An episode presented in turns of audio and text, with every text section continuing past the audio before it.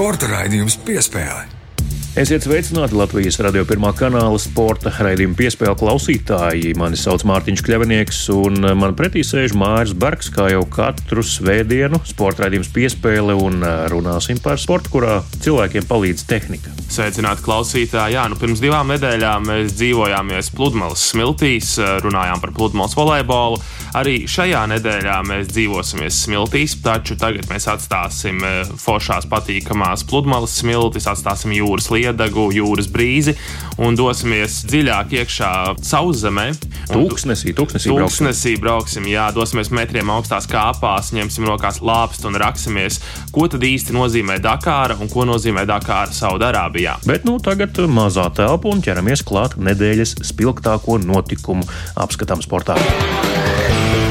Piespēle laikam jau ar šo brīdi var teikt, ka sākas tas posms, kad eh, vairums sporta līdzjutēju eh, sarunu ir paruna ap eh, Pekinas Ziemas Olimpiskajām spēlēm, lai gan tās sāksies tikai 4. februārī.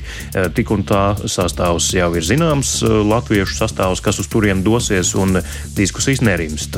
Kopumā Latvijas Olimpiskā komiteja delegācijā iekļāvusi 57 sportistus 11 dažādos sporta veidos. Nu, jāpiebilst arī tas, ka gandrīz puse, ja 25 cilvēki būs hokeja izlases spēlētāji. Līdz ar to, protams, šo delegācijas kopskaitu krietni, krietni palielina tieši hokeja došanās uz Olimpiskajām spēlēm. Tas, kas izpalika pirms četriem gadiem Pjončkanā. Vēl interesants fakts par šo delegāciju ir tāds, ka tā būs viena no jaunākajām Latvijas delegācijām Ziemas Olimpiskajās spēlēs kopš neatkarības atjaunošanas. Vidējais vecums aptuveni 25 gadi. Jā, bet uh, sāncensība, ko mēs varam droši vien nominēt atkal nedēļas cirka izrādēji, bija. Šī rubrika negrib vienkārši vienkārši izbeigties. Tā rubrika grib turpināties. Nedēļas cirka izrādē mēs varam nominēt uh, sāncensību vai ķīviņus slēpošanas federācijas iekšienē. Kurš tad aizņems tās četras dāmu kvotas, uh, kurš divas kungu kvotas? Un, uh, nu, tur sāncensība bija baiga, teiksim tā, skaidrs, ka Patricija Eiduka pirmais numurs šaubu nav. Par viņu jautājumu nekādu. Kuras no dāmām aizņems nākamās trīs kvotas un brauks uz Olimpiskajām spēlēm? Par to bija jautājumi. Baiba Bendika sportiski ir otra labākā Latvijas slēpotāja lai gribēja startēt 30 km pašā, pašā Olimpisko spēļu izskaņā, kad biatlona sacensības jau aizvadītas un ka viņi to var atļauties. Tieši to brīdi viņi saprata un tāpēc arī to vēlējās. Slēpošanas savienība sākumā teica, nē, tu būsi rezervisti, mēs sūtīsim jaunās sportistas 16 eh, un 18 gadus vecās, tad beigu beigās tomēr nē, piešķīra vēl vienu papildus kvotu Latvijai, tad tomēr baiva brauc. Savukārt eh, lielākā ņemšanās joprojām notiek par un ap Induli Bikšu. Kā zinām, baiva arī izteicās ļoti skarbi par šo pirmo federācijas lēmumu. Proti, viņi teica, ka Federācija izlēmusi tur sūtīt sportistus nevis pēc sportiskā principa, bet vienkārši aizsūtīt jaunās sportistas ekskursijā. Vai izteicās skarbi, droši vien zinām daļa taisnības tajā arī ir, jo, kā tu minēji, sportiskajos rezultātos Baiba noteikti ir otrā labākā Latvijas slēpotāja, un labā dienā viņi varētu arī noslēpot Patrīciju Eiduku visticamāk. Bet, nu, teorētiski var saprast Latvijas slēpošanas federāciju. Nu, viņi grib ieguldīt savos slēpotājos, kuri paliks slēpošanā, ilgtermiņa vīzija, kā pat arī federācija to pamatoja plašsaziņas līdzekļos. Baiba sasniegtu labu rezultātu tagad, un nu, pēc tam varbūt arī vairs nekad neslēpotu tieši sacensībās būt tas, protams, rekords, divi dažādi sporta veidi vienās olimpiskajās spēlēs, un uh, gan jau arī labs rezultāts slēpojumā. Baiba ir ļoti labi slēpotāji, bet tas apmēram tas pats stāsts, kas pirms pāris gadiem pavīdēja Latvijas sieviešu basketbola izlases sakarā. Vai mēs šeju pēdējo naturalizējam pirms Eiropas čempionāta? Mums ir labi saspēles vadītāji tieši uz šo turnīru, pēc tam viņi varbūt kaut kur pazūd ar visu Latvijas pasi. Tas tāds īstermiņa risinājums, vai tomēr mēs audzinām savus jaunās saspēles vadītājus un nevienu tā nepiesaistam komandai, vienkārši iedodot pasi. Nu, te var savas līdzības atrast arī ar to situāciju. Teikt, sekosim līdzi arī tam, kas vēl notiks, jo iespējams, kas to zina, varbūt slēpošanas savienība atkal kaut ko izdomās, vai, vai Induls Bikšs un viņa tēvs uh, arī vēl kaut kādas pretenzijas cels pret uh, šo federāciju.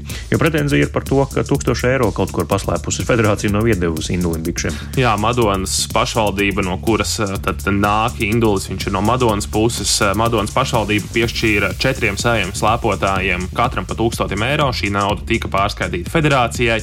Taču, kā izsakās Induls un viņa tēvs, tad šī nauda beigu beigās nav atradusi sportistu. Federācija nav redzējuši neacu galā. Jā, jā federācija taisnojas, ka sportists pats neko nav interesējies. Nu, nauda ir pieejama, lūdzu, nāciet un ņemiet, bet tā tas viss tiek skaidrots.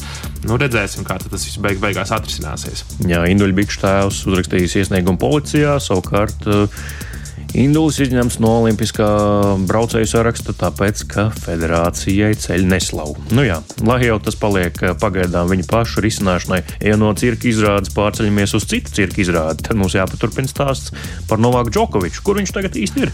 Novāks tagad ir aizlidojis mājās. Nu, vismaz viņa lidojums no Melburnas bija uz Abu Dabi. Nu, kā zinām, pēdējās divas nedēļas mēs daudz runājām par Novāku Džokoviču sāgu, par to, kā viņam veicas Austrālijā, vai pareizāk sakot, drīzāk galīgi neveicas Novākam Austrālijā. Austrālijā. Vismaz šajā gadā Novākam atkārtoti tika anulēta viņa Austrālijas vīza. To izdarīja Austrālijas imigrācijas ministrs, kuram ir šādas tiesības anulēt vīzu.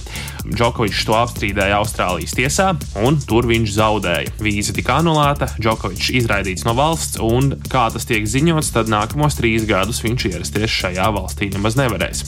Sociālās saziņas vietnē Twitter arī ceļo bilde no avio reisa, ar kuru Džokovičs atgriezās atpakaļ šajā zemeslodes daļā. Esot sēdējis bez maskas un lasījis kaut ko savā lidmašīnas krēslā. Tā kā Novākā, ja jai, tu laikam nemācies no savām kļūdām. Jā, nu Serbijā arī viņam vēl būs interesants tikšanās un sarunas, ņemot vērā šo situāciju, ka viņš ieradies gan uz publisku pasākumu, gan arī uz interviju, zinādams, ka viņam ir pozitīvs COVID-19 tests. Mūsējie Ernests Gulbis apstājās jau kvalifikācijas pirmajā kārtā, tā kā par viņu īsti Austrālijas atklātā čempionāta sakarā mēs nemaz nevaram runāt. Anastasija Sevastova un Aļona Stapenko spēlēja. Sevastovai uh, finišs jau pirmajā kārtā, zaudējums jau pašā ievadā. Aļona Stapenko tika līdz trešajai kārtai, piekdien uh, zaudēja tajā. Jā, nu, par Anastasiju nu, žēl, žēl, ka nesanāca. Taču nu, izskatās, ka nu, jau Anastasijas karjera diemžēl ir sasniegusi tādu punktu, kur viņa uzrāpties atpakaļ kalnā vairs nespēs. Aļonai trešā kārta, turpretī Barbara Kreičkova, pasaules ceturtā raketa, ļoti spēcīga tenisiste, French Open pagājušā gada čempione. Aļona patiesībā spēles pirmo pusi dominēja. Aļona bija labāka. Pirmais sets 6-2, otrajā 3-1 vadība. Nu, un tad lūzuma punkts. Un tad iestājās vecā Aļona. Tā ir Ļona, uh, kura dusmojas uz korta, kura lamājas uz korta, sūta savu māti trīs mājas tālāk. Diezgan burtiski to viņa darījusi nevienu reizi vien, un diemžēl viņa to darīs visticamāk arī turpmāk. Visas trīs spēles, trijos setos, tas jau parāda to, kāda ir Aļonas spēles maniera. Un tu teici, ka Austrālija ir neparedzējama, tad Aļona ir noteikti vēl neparedzējamāka. Ar Aļonu ir ar kā ar bitēm. Nu, tad, kad viņa spēlē tā, kā viņa var spēlēt, ir ļoti maz tenisistas, kas viņu var apspēlēt pasaulē. Tādēļ Aļona ir viena no top tenisistēm. Tad, kad ceļrulis pāriet pāri, arī, Jā. piemēram, varētu pāriet arī Barbarai Krečīkovai, kas ir pasaules ceturtā raketa mierīgi. Nevelti pat Aļona ir bijusi piektā raketa pasaulē. Meistarības viņai pietiek. Taču brīdī, kad kaut kas sāk buksēt un spēle vairs neiet, tad Aļonas psiholoģiskā sagatavotība ir stipri, stipri vājāka nekā viņas tehniskā un meistarības sagatavotība. Temperaments ņem, ņem virsroku. Jā, mēs te starp citu tagad arī politiķi diskutē, kā atrisināt enerģētikas krīzi un vai mums Latvijā celt atomelektrostaciju vai ko citu.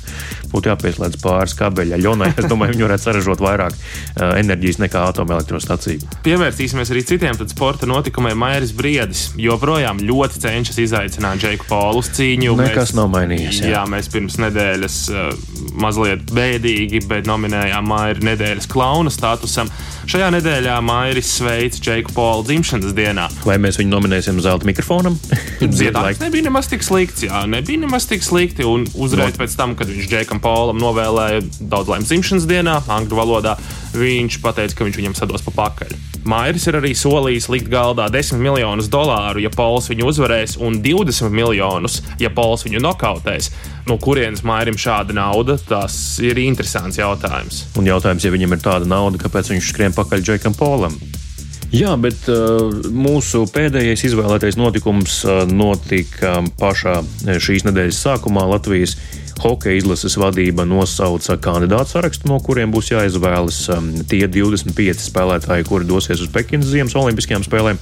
Liekie ir seši un jāatzīst, un skaidrs, ka Tur vārdsargu līnijā jau nu, viss diezgan, ir skaidrs. Tur divus jau mēs uzreiz varam pateikt, kuri nebrauks. Diezgan uzskatām, izkristalizējas, jā, un tie mm, nākamie četri, kuri būs jāatcijā, droši vien, ka visticamāk būs vairums starp uzbrucējiem, varbūt kāds viens aizsargs vai divi. Tur var būt dažādi. Tas būs lēmums Harijam Vitoļņam, protams.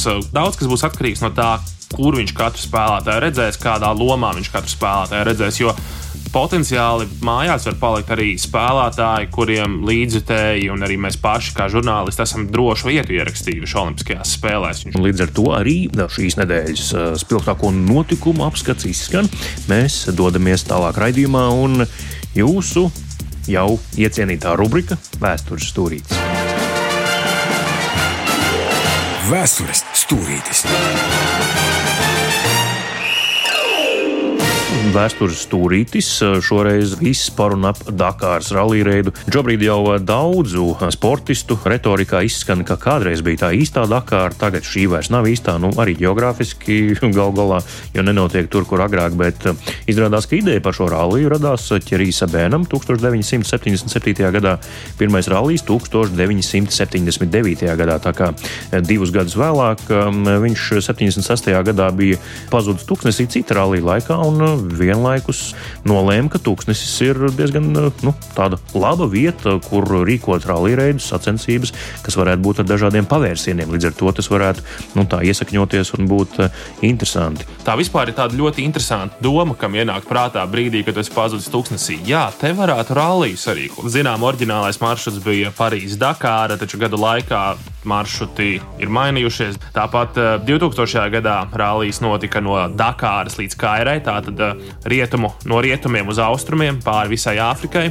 Tur gan arī bija dažādas problēmas, terorisma draudi Nigērā. Tātad sportisti ieradās Nigērā, tad uz četrām dienām rallijas tika apturēts. Sportisti no Nigēras ar lidmašīnām tika pārvesti uz Lībiju. Un tādā kā ar turpinājās, līdz ar to tur bija īstie piedzīvojumi. Un tur arī vēl daudz citu atgadījumu ir bijis. Piemēram, 99. gadā, kad 50 sportistus distances laikā, ātrumposma laikā aplaupīja. Bruņot laupītāji, bruņota banda ieradās, kā tas tiek aprakstīts tā laika rakstos. Viss ir bijis ļoti organizēti, nozagta nauda, nozagta visi dokumenti, nozagta tehnika, mašīnas, smagās mašīnas.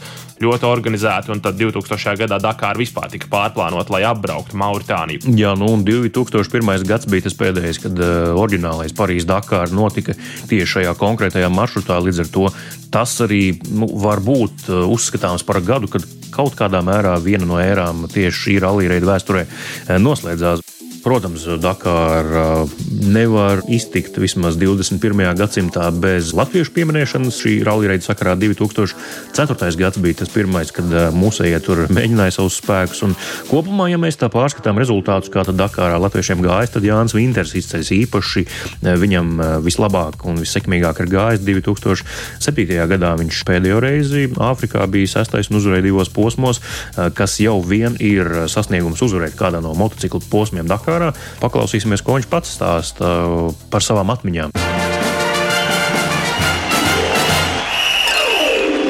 Pirmais gads vispilgtākām atmiņām un patīkamākām, jā, ar lielāko gandarījumu, jā, ir pēdējais, kurā es piedalījos. Pie tagadējā saprāta diez vai es to darītu. mm -hmm. Katram dalībniekam tas bija piedzīvojums. Jebkura līmeņa, vai tas bija braucējs, mehāniķis, šoferis vai organizatora pārstāvis, tur ar papīriem strādāja, tas visiem bija piedzīvojums. Es nevaru teikt, ka mēs saskārāmies, ka mūs kaut kādā veidā kāds vai ietekmēja, vai nezinu, vai bija no kaut kā jābaidās. Drīzāk jau mums bija tāda sajūta, ka mūs ļoti sargā ka sargā tie visi vietējie, tie visi klejotāji tērpos ģērbti ar automātiem pār plecu, ka viņi tur ir tikai tāpēc, lai mēs justos drošāk. Nu, no vienas puses bija tāda sajūta, bet, protams, ka kur tā robeža, ja nemaldos, Alžīras un Marokas, ja? kur tas koridors ir, kur tur braucam cauri, un tur ir nu, parasti grāmatas ceļš. Vienā pusē ir uzraksts mm. mīnus, otrā mīnus. Vienā pusē stāv tie no filmām, tie džipiņi ar uh, ložmetējiem, otrā pusē līdzīgi daži armijnieki, daži parastās drēbēs. Nu, tā ļoti saudabīga tā sajūta, tad braucot tajos apstākļos, ja tur un, un, un tas ir pat tumsa, nevis kaut kādā tur gaišā dienas laikā. Un, ja tu kaut kur nejauši apmaldies un ne tur iebrauc, tad uh, pirmais, ko tu sastapsi, visdrīzāk būs kāds armijnieks. Brauc, nu, vienu stundu, otru mežonīgs tukšums, nekā mm. nav. Brauc, brauc, apstājies, viens izlien ārā, otrs izlien ārā Nu, kurienes? Kur viņi, nu, kur viņu kaut kur, kaut kur tie cilvēki rodas? Bet bija situācija, ja manam motociklu bija problēmas. Un tad apdzīvotā vietā es apstājos, man no visām pusēm apstāja cilvēku bari. Nu, ļoti, ļoti, ļoti daudz kaut kādu. Nu, es nezinu, tas teikšu, kad ir nu, ap simtu. Vietējie bērni, pieaugušie sievietes, vīrieši, tumjās virsū un bakstās, un viņiem tur parunāt, vai ko vajag. Armijas formā viens iet pa vidu ar tādu dēļa galu Un tā atvēsējas un tā pa visiem no iekšpuses ar to dēli, tā par rīņķi, tā man rīņķī tā. Tu, tu, tu, tu, tu. Nu, tā nu par rīktīgi, ne jau tā biedējot, bet tā, ka sit pa tiem cilvēkiem, nu, mm. lai viņi, jā, nu, atbīdās. Tas man bija tāds šoks. Apmaldīšanās nopietna bija. Pirmajā Dakārā bija tas gadījums trakākais, kad mēs nostartējam. Es braucu tur kādu laiku, oh, Meonija vēl bija dzīves, vēl braucējis ar Meoniju aiz muguras braucu un Mioni aizbrauc pa labi. Es skatos, bet man tā navigācija, tā, tā būtiņa rāda pa kreisi. Nu, kāpēc viņš brauc pa labi? Nē, es pa kreisi, nevis pa labi. un aiz manis vēl tur divi tādi pati gudrinieki aizbrauc man pakaļ. Nu, labi, mēs tur noņemamies tur to stundu aptuveni pa kālu tādiem uzbrauktuvēm šaurām un akmeņu ļoti daudz. Man kā induro braucējiem tas liekas, kas tas, nu, nu labi, ok, ir kārtīgs rallijas, te jābrauc. Bet es jau pēc tam tik analizējot, domāju, nu, kur man galva bija, nu kā tad te mašīnas uzbrauksies. Tur tādas vietas, kur ar moci tur nu, knapi, knapi tik šauras. Un tad beigās es to stundu tur nobraukušies jā, reku foršs celiņš un būtu rāda, jā, reku, cik tur palicis līdz tam punktam un rikti ieskrienamies, braucam pa tiem šauriem celiņiem ar tādu azartiņu. Un atbraucam tā vieta, kur mēs stundu atpakaļ startējām. Par īņķi. Par īņķi, jā. Sporta raidījums piespēlē. Dakarā mēs, protams, nedrīkstam aizmirst arī Andriu Dāmbi un viņa konstruētās Oskara mašīnas, kas ir piedalījušās vairākos Dakāras rallija reidos, sākumā ar benzīna dzinējiem, vēlāk, kad Dakāra jau bija pārcēlusies uz Dienvidameriku, Andris Dāmbis tur aizbrauca arī ar elektrisko mašīnu. Labi, ja mēs gribam būt pavisam precīzi, tā nebija pilnībā elektriska mašīna, tas bija hibrīds. Zeltaini Oskariņi arī man ļoti izpilgta atmiņā ir joprojām, un eh, tās bija automašīnas, kas izcēlās. Turklāt vēl, eh, nu, ja tur ir rūpnīcas, ražojums, sacenšas un mūsu pašu būvēta, konstruēta, rasēta automašīna spēja tikt tam visam līdzi, tas ir abrīnojami un cildināmi, un eh, Andris Dāmbis jau vienmēr bijis soli priekšā ar savām idejām pasaulē. Un, Vismaz atpalicis viņš noteikti nav. Jo, kā jā. jau minēju, viņš sacensties ar tādām rūpnīcām kā Mitsubishi, BMW, Volkswagen. Ja, bet tu taču biji ciemos viņa garažā. Kas lācītim vēderā? Mēs to Dakāru bijām redzējuši tikai televīzijā, vai kādā nu, televīzijā, laikam, nē, nu, kaut kur ļoti interesanti tas likās. Un, kā, es teicu, ka Olimpiskās spēles priekš autosporta. Ja. Un uh, doma bija pārbūvēt tur esošos Mitsubishi vai Toyotas mašīnītes tā, nu, tiem cilvēkiem, kas pie manis atnāca. Tie bija latviešu autobraucēji ar biznesmeņi. Un es ātri sapratu, ka jā, tas ļoti interesanti, un kad, lai brauktu uz Dakāru, līdz finišam tiktu jāuzbūvē pašiem savu mašīnu. Jo tad viss ir labi, pareizi, un tas ir mūsu iespējas. Un tad diezgan ātri tā ideja tika apstiprināta. Mēs ķēros klāt pie projektēšanas un uztaisījām mašīnu, kuras nosaukums ir Oskars. No nulles. Tā ir tāda vārdu spēle ar nosaukumu, šīs vietas nosaukumu. Tieši tā, tieši tā. Un arī doma bija tāda, ka franču lauku sieviņa var izrunāt to vārdu vienkārši. Un vēl viena lieta, ka nu, ir Oskars, latviešu zvejnieks, tāds pamatīgs un nopietns. Jā. Nu, tā, kā, jā, tā ir vārdu spēle. Kā saprotu, mēs stāvam arī tajā vietā, kur Oskāri savā laikā ir skrūvēti. Jā, un tieši šeit bija tāds speciāls konduktoru galds. Ne tikai Oskariem, bet, kad mēs taisām šādas sporta mašīnas, tad viņam jābūt ir nu, precīzam, taisnam, stingram. Tad mēs pa priekšu uztaisām to galdu. Protams, ka manā kabinetā uz, uz galda ir uzzīmēts. Tajā laikā visa zīmola tika zīmēts un nebija nekāda. Mēs neizmantojām mm, datoru zīmēšanu. Un tad uz šī galda paņem vienu caurlīti pēc rasējuma, pieliek klāt, paņem otru caurlīti Un pēc deviņiem mēnešiem pa šiem vārtiem mēs izbraucam laukā un apbraucam pirmo slaveno līkumu pa šīroņu ceļu. Tā iela, kas te, kurai nav nosaukuma, tas ir šīroņu ceļš. Ja mēs esam aizbraukuši pa šīroņu ceļu līkumu, tad jau mašīna ir piedzimusi. Es domāju, ka tas iepriekšējais darbs ar visu to izpēti bija kāds gads apmēram, kamēr sākām pirmo caurumu metināt. Un, uh, tas ir tiešām interesanti, ka Dakāras Oskars tapa. Mēs uzbūvējām kaut kādus 14 laikam Oskars. Nu, diezgan daudz.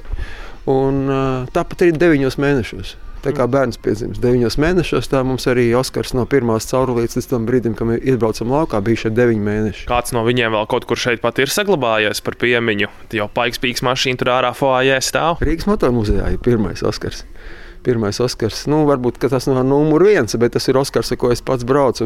Dakāras finišu arī dabūju kopā ar Raināru Princi. Jā, tas tur ir un arī elektriskais Oskars mūsu kaut kur liepājā, kādā privātā muzejā pašlaik atrodas zem jumta un tiek glabāts. Pašiem šeit ogrē vai kaut kur mājās nav saglabāts nekas pārējais, ir izjaukts. Jā. Nav jau tā patiesībā nav iespēja. Ja tad iznāk tā, tie labumi, tie dzīvē ir tik daudz sabūvēti. Ja. Mēs kā relikvijas turam dažas braucošas rallija mašīnas apkurinātā garāžā. Ja? Un tad, jā, citās vietās eh, man nav, tikai muzejos. Cik daudz jūs vispār zinājāt un sapratāt, eh, kādām tām mašīnām ir jābūt? Es auto esmu būvējis visu savu mūžu. Izvēlējos izglītību par automašīnām. Nu, visu laiku pirms tam Rīgas jauno tehniskā stacijā tur automobilīšas taisījām. Ja? Tā kā man pieredze bija ļoti pietiekoši liela. Es arī autokrosā biju nopietni braucis un būvējis pats sev mašīnas. Tā kā pieredze bija man, Un es vienmēr esmu šādos projektos mācījies no citiem, kas brauc pa priekšu. Sanāk, labākās komandas ir tiem, vai labākais bobs ir tiem, kas brauc pa priekšu šodien. Un tādēļ es braucu riņķī pa pasaules kausa posmiem, rallija reidu posmiem un skatījos mašīnas. Skatījos mašīnas, un man kā inženierim vajadzēja trīs metru attālumā uz to skatīties. Man nevajadzēja gidu. Un, uh, es paņēmu labāko, kas ir. Uh, sapratu to labāko. Mitsubishi. Nu, Mitsubishi tā, tās bija pirmās mašīnas, kuras nebija būvētas uh, ielas mašīnas bāzes. Ko par jums teica tur, tajā laikā Parīzē? Un, man liekas, jūs jau Parīzē jums bija tas pirmais starts ar kādiem prologiem, vēl sniegā, un, un, un tur visādi joki bija. Un pēc tam arī Spānijā jūs tur sākāt. Ko par jums teica? Tur tie dalībnieki dūži, tur BMW brauc, uh, Mitsubishi, Volkswagen pēc tam parādījās. Viņi mūs novērtēja un pamanīja, tā es teikšu. Viņiem, protams, kā katram sportistam, ir eh, gan savs uzdevums, gan savu labā mašīnu. Viņš sēž tajā labā mašīnā, viņš ir labā komandā. Un eh, viņš skatās apkārt. Jā. Mēs tikām pamanīti tādēļ, ka mēs bijām nu, jauna. To novērtēja, ka tā ir pašbūvēta mašīna. Ja? Un, ehm, nu, vizuāli arī bija atšķirīgi. Nu, mums bija kontakti, labvēlīgi kontakti gan ar tehniskiem komisāriem, gan ar citiem sportistiem. Un draudzīgi un patīkami. Tajos gados, kad jūs startējāt Lisabona, Dakāra, Barcelona, Dakāra, visi šie veda caur Āfriku, caur oriģinālajiem maršrutiem, eh, Mauritānija, Maroka, Malī. Tur tajos laikos bija dažādi piedzīvojumi, ko mēs televīzijā zinām. Bīstamas situācijas, dažādi sirotāji, laupītāji, zagļi. Tiešām ir piedzīvots eh, ļoti daudz, kas man personīgi, nu, personīgi man, sēžot iekšā mašīnā, tādas sīkas domstarpības vai nesaprašanās ir bijušas ar vietējiem, bet tādas nopietnas ne. Savukārt mūsu komandas cilvēkiem gan gauži nopietnas bijušas. Un, piemēram, viens gadījums bija, kad mums beidzās benzīns. Eh, sportistiem arī, nu, man pašam personīgi ne, bet citiem beidzās benzīns tūkstošu vidū. Un bija jāmeklē iespēja, kā, kā to lietu risināt. Un, un tas eh, notika tā skaitā ar vietējo palīdzību, tā skaitā ar braukšanu ar pikapiņiem kaut kādiem un tajā brīdī citi, kā to pateikt, kopiņu pārstāvi nebija ar to apmierināti un uh, sākās apšaude un sākās mukšana pa tuksnesi no, no šīs apšaudes jā, tas ir komandā piedzīvots. Bija kaut kur Mauritānijā, Malī vai, vai kādā citā vietā? Es pat neatceros, bet tā nu, visticamāk, ka Mauritānijā, jo Mauritānija tas ir īpašs gadījums. Āfrikā jau lielākā daļa, nu, pēc manas dzīves pieredzes, ir tomēr sadalīta nosacītās ietekmes sfērās, un kaut arī tur ir vienalga, kas karalis vai prezidents, jā, tad, tad uh, viņš ir tikai tas meistars, kas māk tās grupas tur apvienot. Jā, un, kad tas beigsies un kā viņiem tā domāšana ļoti grūti saprast, bet viņi ir tāda, nu, viņi klasiski atšķirīga no no mūsu domāšanas, un tādēļ nevar tā spriest vai, vai domāt uh, viņa loģiku. Tur ir sava loģika. Šogad brauca Audi ar šīm elektriskajām mašīnām, kuras nevarētu saukt līdz galam par elektriskajām. Tomēr daļēji hibrīdi, jo šis motors, kurš strādā kā ģenerators, angļu valodā range extender, tomēr nav pilnvērtīgs elektroautors, šis Audi. Bet jūs taču bijāt pirmie, kas to izpildīja Dakārā. Tehniskais izpildījums mūsu mašīnai. Mēs tieši vakar ar dēlu Kristapam runājām par to. Kad tas bija noticis? Tas bija pirms desmit gadiem, apmēram desmit gadiem. Mēs braucām Dakāras rallijā Dienvidamerikā. Un tehniskais uh, koncepts bija precīzi tāds, kā Audi tagad. Mums bija iekšzemes motors, uh, kurš darbināja ģeneratoru, un tālāk tikai elektriskie motori grieza riteņus uz priekšu. Tas bija pirms desmit gadiem. Kā tehnoloģijas mainījušās pirms desmit gadiem, kāda bija mobilā telefona pirms desmit gadiem un akumulātori. Ja? Un tad mēs to sapni izsapņojām, piedalījāmies nu, Dakaras rallijā un vēl divos rallijos. Kopā 18,000 km nobraucām sacensībās. Nu, nevarēja, ne, bija net ar to mašīnu, un tas bija tas sākums paikspīgai. Tad Dakarā mēs uztaisījām mašīnu elektrisko šādu nu, hibrīdu mašīnu, lai brauktu līdz finišam. Tad bija doma jāuztais kaut kas, ar ko uzvarēt. Tagad Audi tas viss tomēr tika ar tādu pompu pasniegt teikts, nu, ka pirmais elektriskais un tam līdzīgi, vai kāds par jums atcerējās? Jo es atceros, es lasīju kaut preses relīzi, kur pats Audi saka, ka pirmie tomēr bija latvieši ar Oskāriem. Vai kāds no Audi par jums atcerējās un uzzvanīja un pajautāja, hei, kā jūs to autiņu saskrūvējat, lai viņš to Dakāru nobraukt vispār? Nē, tieši konteksts nebija, nu, bet eh, tā ir, ka šīs rūpnīcas arī, es pieminēšu Volkswagen rūpnīcu Paikspīkā. Jā, viņi lieliski par mums zināja. Viņi arī teica, ka viņi grib pārspēt mūsu rekordu. Jā. Tas ir ļoti patīkami. Un, un, un tie vīri, kas būvē tās mašīnas, viņi zina par mums, bet viņiem nav ko mums pajautāt. Tādēļ, ka tās tehnoloģijas, kādas ir, viņas ir. Nu, gan jaunas, gan revolucionāras, gan zināmas. Audi ir arī nu, elektrisko formulu komanda un pietiekoša pieredze elektriskajā autosportā. Tagad arī pasaules rallijā, rallycross arī, protams, šādas hibrīda mašīnas tiek būvētas un jau startē. Tagad Monako rallijā jau būs pirmais izmēģinājums. Tas ir viss ļoti gājis uz priekšu, un viņi ļoti labi tiek galā bez mūsu padomu.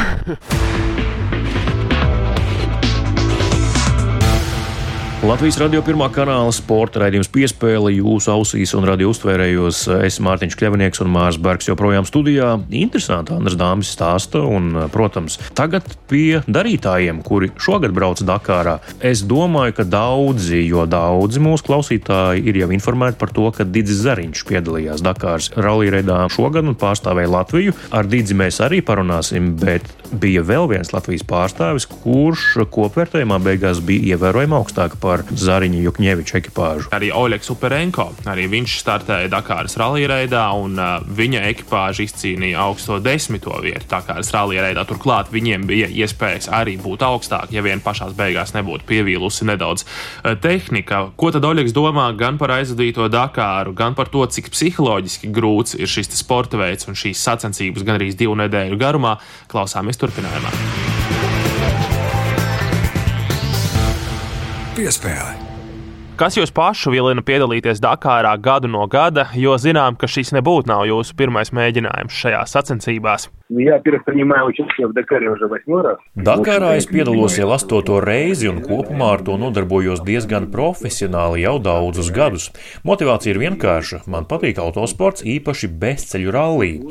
Tur tu esi kā karavīrs, visu laiku virzies uz priekšu ar mērķi uzvarēt, taču ir skaidrs, ka tas nav viegli. Tehniskajos sporta veidos tā jebkurā gadījumā ir milzīga pieredze un atkārtota piedalīšanās šāda līmeņa maratonos ļauj izcīnīt kādus rezultātus Kola rezultātā.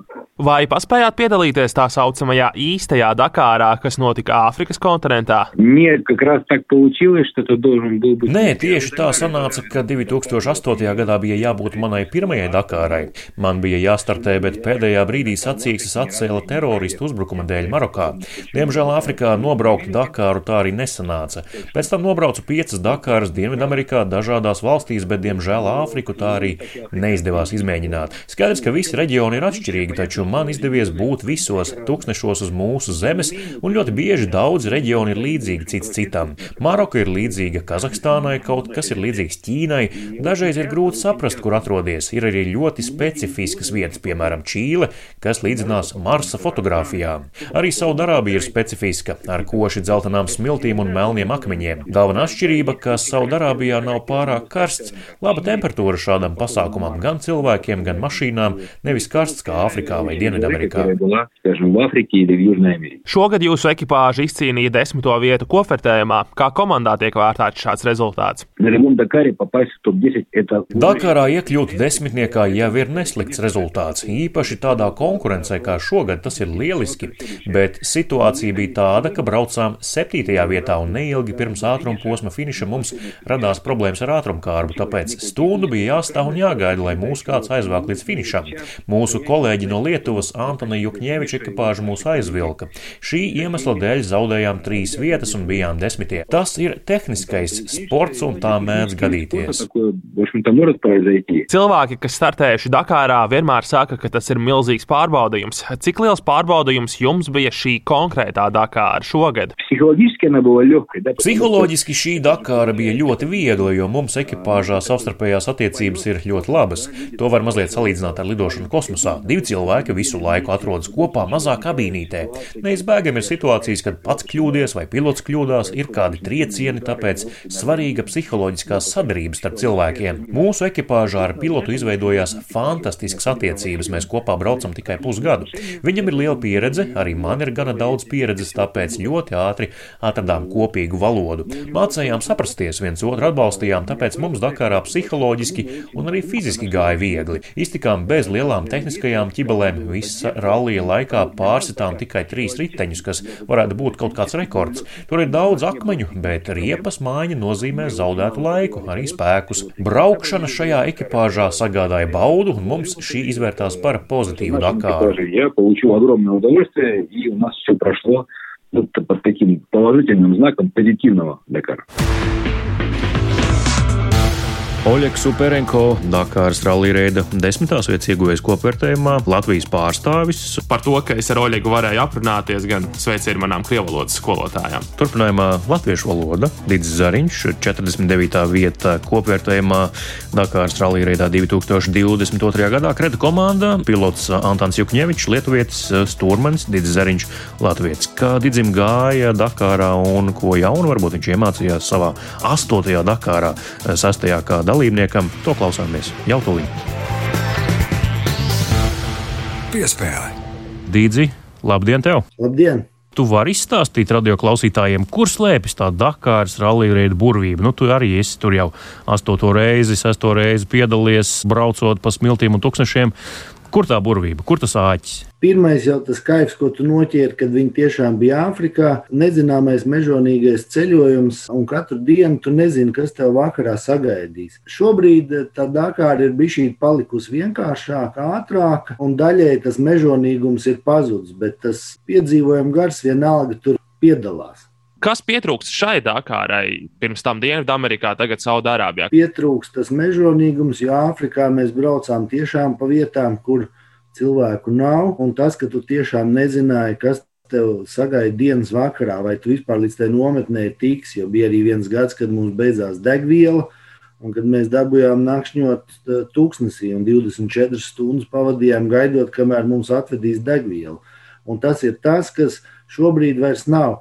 Jā, ir pasākums ļoti foršs, viņš ir ļoti dinamisks, bet bija šī pietrūkst tā neparedzama, tā mežonība. Nometnes ziņā nu, praktiski visiem ir jau kaut kādi vai nu dzīvojamie vagoni, vonmobīļi līdzi. Tad mēs visi lielā teltī guļamaisos gulējām, un tā vairs nav.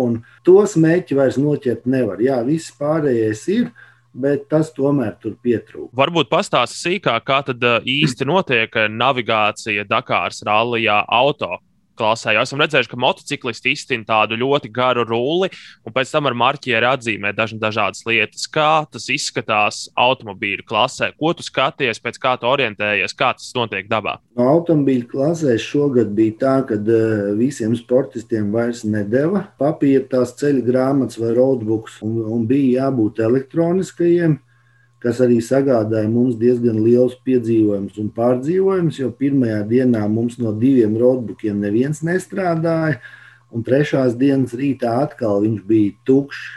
Bet tad eh, mēs jau zinājām, jau laicīgi skrēja tiesneši vilku šurp, lai viņi man ielādē to ceļu grāmatu. Pirmajās četrās dienās viņi ar to visu tika galā. Pēc tam jau tāda veida piedzīvojumi nebija. Bet tās pirmās četras dienas mēs nebijām vienīgie. Vēl bija čehu sportistiem un vēl citiem bija problēmas. Kas ir tādā ceļu grāmatā? Ceļu grāmatā ir tā kā jebkurā parastajā rallija leģendā, ir uzzīmēta ceļu situācija un uzrakstīts attālums, cik līdz viņai ir.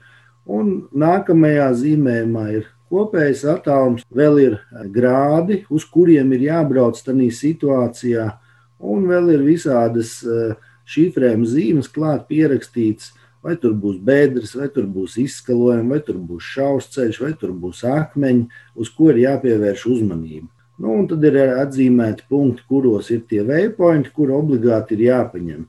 Un tie waypointi ir visu dienu sadalīti tā, ka ar vērtībām. Citi ir 15 minūtes vērtīgi, citi ir 60. Ja tu nepaņem, tad tu tik daudz saņemsi atkal sodā. Un pa visu dienu kopā ir apmēram 100-120 vērtīgi jāpaņem. Tas ir, lai organizatori tiešām pārliecinātos, ka tu izbrauc visu trasi. Tad jau stūrmanim un pilotam ir jābūt ārkārtīgi, ārkārtīgi acīgiem. Jā, protams, protams. Pilotam ir jābūt, viņam galvenais ir saprast, eh, it sevišķi, ja tu nestartēsi ar pirmajiem desmit, kad ir startē ar 40 vai 70 vietu, 70 tur jau ir aiz smagajiem, kad ļoti daudz smagie griež stūrus nost un ir kā taisno to ceļu, bet pilotam tad ir jāsaprot, vai viņš brauc pa to īsto ceļu, ko ir paredzējis organizators, vai mēs jau kaut kur nu, griežam nost.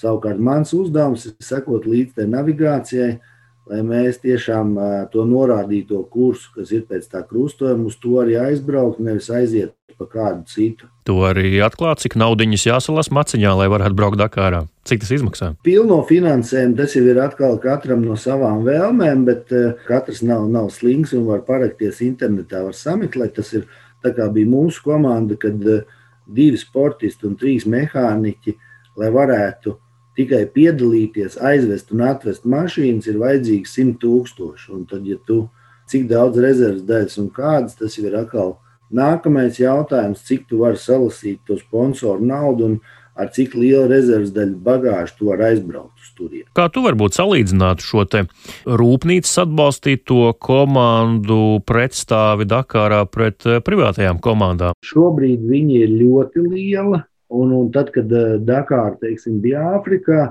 tad tās dienas, kad bija navigācija un kad bija kāpas, tad visi zināja, ka nu, vienu reizi dienā mēs noteikti nu, rapsimies. Nu, varbūt divas, nu, ja ļoti neveiksies, tad kādas trīs, piecas. Un tad tās šansas uz to rezultātu starp rūpnīcas komandām un privātajiem izlīdzinājās. Kas notiek šobrīd? Šobrīd tā tehnika ir sabūvēta tik kosmiski laba, tā Dakāra ir palikusi tik ātra, ka, lai jūs varētu saprast, tad es te apskatījos tos rezultātus un praktiski pirmās desmit minūtes katru dienu bija no astoņām līdz pat bija dienas, kad bija 20 mašīnas iebraukt desmit minūtēs. Nu, tas jau, ja kādreiz Dakārā likās, ka, ja tu kādam zaudē stundu, tad divas veiksmīgas dienas, un tu viņam būs priekšā, Tad tagad, lai stundu atspēlētu, tad tev jārēķinās vismaz ar desmit dienām. Un te ir atkal mēs atgriežamies pie tā paša jautājuma, privātie vai rūpnīcas komanda.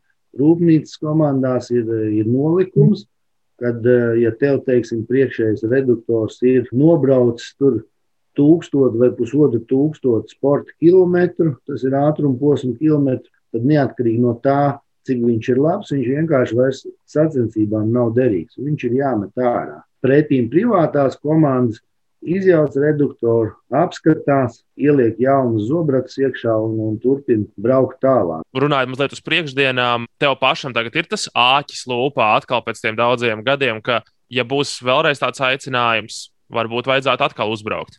Nē, nē, protams, ka ir no sākuma pirmā labi, ka bija tā testa diena, kura, kura teiksim, man pašam lika nomierināties, jā, kad nu, sajūtas ir atgriezušās un kad var braukt, kad viss nekas nav aizmirsts un viss ir saprotams un viss ir izdarāms. Protams, ka dāķis lūpā ir un, un tagad, kā attiesim no Dakāras, tad izrunāsim lietas un pieļauju, ka nākamgad atkal brauksim. Sporta redzējums piespēlē Latvijas radio pirmajā kanālā šajā svētdienā. Mārcis Bergs un Mārtiņš Kļavnieks studijā. Līdz ar to arī esam pietuvojušies finiša līnijai.